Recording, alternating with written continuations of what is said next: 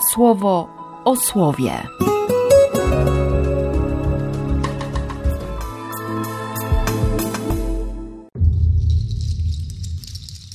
11 lutego, czwartek.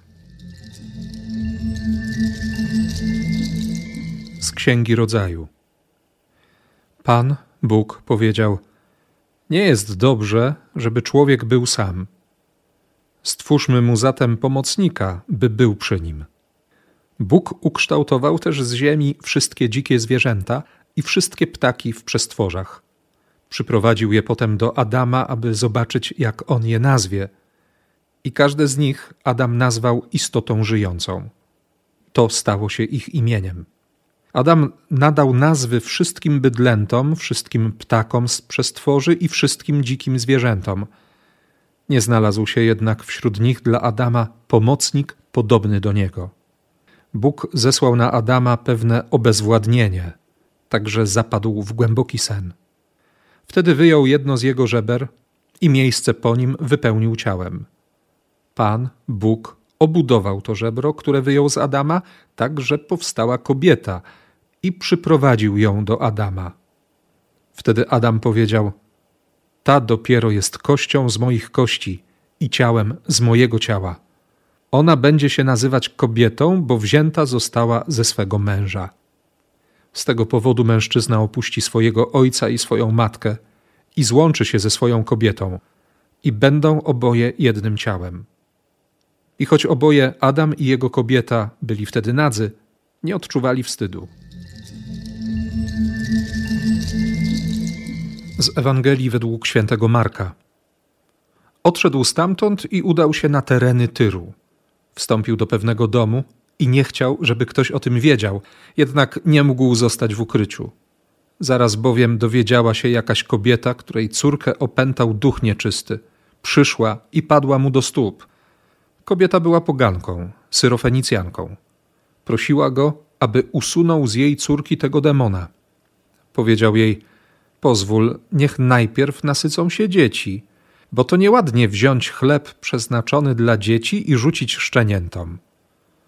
Ona mu na to odpowiedziała: Panie, jednak szczenięta pod stołem jedzą okruchy z chleba dzieci. Wtedy rzekł jej: Ze względu na tę wypowiedź odejdź Właśnie demon wyszedł z twojej córki. Po powrocie do swojego domu zobaczyła, że jej dziecko odpoczywa na sofie i że demon odszedł. Finałowa scena procesu stwarzania. Z tych dwóch opisów, z tych dwóch poematów, dzisiaj jest ten moment ostatniego rozdarcia, ostatniego kryzysu. W sumie tego najważniejszego chyba. Ale wraca do mnie jeszcze ta wcześniejsza scena, kiedy Bóg mówi, że nie jest dobrze, żeby człowiek był sam. Przypomina mi się tutaj wiele wypowiedzi lekko lub bardziej ironicznych na temat tego fragmentu, ale nie chodzi o żadną ironię, tylko o stwierdzenie faktu. Jeszcze jest tęsknota. Takie życie w niespełnieniu. I pomimo tego, że Bóg przyprowadza wszystkie stworzenia, wszystkie zwierzęta i ptaki, przyprowadza do Adama, żeby zobaczyć, jaką da im nazwę, jakie da im imię, to Adam po prostu mówi: To jest żywe. Czy zabrakło wyobraźni? Czy rzeczywiście był aż tak sfrustrowany? Patrzy na wszystko i, i jedyne, co mu przychodzi do głowy, to jest stwierdzenie: To jest żywe. To jest istota żyjąca. Bóg widzi tę frustrację. On widzi każdą moją frustrację. Te wszystkie moje momenty beznadziei, bo, bo jasne, najpierw Adam się rozglądał po świecie, widział tę przeraźliwą pustkę, Bóg dał mu Eden. Rzeczywistość się trochę zmieniła, perspektywa też jest inna, ale trzeba było wziąć no, tę przysłowiową łopatę i, i pracować dalej, bo Bóg zaprosił do współpracy. Ale sam pracocholizm niczego nie załatwi, nie rozwiąże jeszcze. Potrzeba relacji. I ta potrzeba staje się obezwładniająca.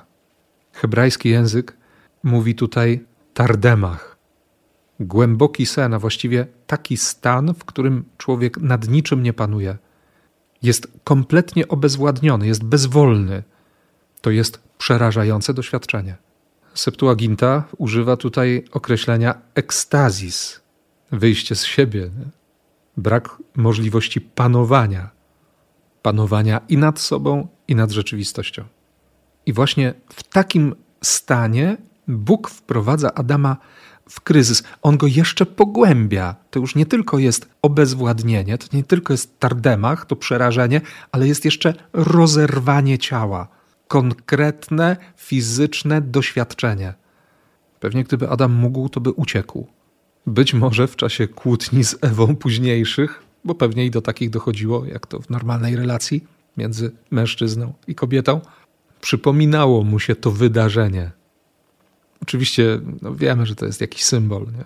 Ale, ale ta scena jest we mnie bardzo żywa, bo tutaj odnajduję też źródła i korzenie nieufności, oskarżenia Boga o jakieś zło, a właściwie oskarżenia Boga w przypadku nieumiejętności określenia siebie samego w danej rzeczywistości, w danej sytuacji. Bo to wina Boga, bo gdyby Bóg, no, ale na tę chwilę Bóg przyprowadza, przyprowadza kobietę do mężczyzny. No i ta fantastyczna gra słów w języku hebrajskim i, w łacinie w sumie też. Greka nie potrafi sobie poradzić z tym językowym problemem. Hebrajski i łaciński. Ten sam rdzeń. Kobieta i mężczyzna. A właściwie wyprowadzenie słowa kobieta od słowa mężczyzna. Isz i sza. Ten sam rdzeń. Dopełnienie, właściwie nawet nie tyle dopełnienie, co, co te dwa oblicza pełni człowieczeństwa. Odkrywamy siebie w tej wzajemnej relacji. Nie chodzi teraz o jakieś wywody psychologiczne i antropologiczne, tylko, tylko właśnie o to doświadczenie, nie? o piękno, które też jest w kościele, o to, że jesteśmy tak bardzo sobie nawzajem potrzebni. I uświadamia i przypomina mi o tym Księga Rodzaju. Sam początek. I jeszcze ta jakby mimochodem wtrącona informacja, że choć oboje i Adam i jego kobieta byli wtedy nadzy, nie odczuwali wstydu. Nie wstydzić się siebie wzajemnie. Sporo jeszcze mamy do zrobienia, żeby tak właśnie na siebie patrzeć. Nie bać się, nie wstydzić się siebie nawzajem. To, że tak było na początku, daje mi dzisiaj ogromną nadzieję. Ale jednocześnie to pierwsze czytanie, właściwie fakt stworzenia kobiety i tego zachwytu Adama nad tą, która jest kością z jego kości, jest ciałem z jego ciała, jest wezwaniem i wyzwaniem, by dzisiaj dziękować Bogu za matkę i za moją fizyczną, naturalną, biologiczną mamę, ale chyba przede wszystkim za, za tę matkę, którą jest dla mnie Kościół. Bo dzisiaj w sumie cztery matki są w liturgii. Jest Ewa, która będzie nazwana matką wszystkich żyjących. Jest ta syrofenicjanka z Ewangelii. Jest Miriam ze zjawień w Lourdes. I jest Kościół. Taki dzień matki 11 lutego się zrobił gdzieś tam w mojej głowie. Ale właśnie ta, ta matka z Ewangelii, kobieta, o której powie każdy z ewangelistów, że to była poganka. Zresztą w ogóle mnie tak dzisiaj zatrzymało mocno od rana pytanie, dlaczego tam się Jezus pojawił? Odchodzi z Kafarnaum po tych wszystkich dyskusjach, najpierw z faryzeuszami, a potem e, z całym tłumem, w cudzysłowie, i z uczniami, i idzie na tereny Tyru. Prawie 50 kilometrów. Dwa dni, może trzy, zależy jak szybko się przemieszczali i co się działo po drodze. Ale idzie świadomie tam, gdzie nie ma wiary, przynajmniej tej zinstytucjonalizowanej. Idzie w miejsca, które dla Żydów są nieczyste. Wchodzi do jakiegoś domu i Marek zaznaczy, że chciał pozostać w ukryciu, ale przybiegła jakaś kobieta, która miała opętane dziecko, opętaną córkę. Niektórzy się zastanawiają, czy, czy to opętanie rzeczywiście było w córce, czy może, czy może matka tak patrzyła na swoje dziecko. W sumie do źródeł i, i do przyczyn już się nie dotrze, ale ważna jest ta rozmowa. U Marka ta kobieta nie goni Jezusa, nie biegnie, nie krzyczy. To można przeczytać w redakcji świętego Mateusza. Tutaj ona wchodzi do domu. I też pomyślałem sobie, skoro Jezus jest w jakimś domu, to to się staje w pewnym sensie dom Boży, nie? albo dom Boga.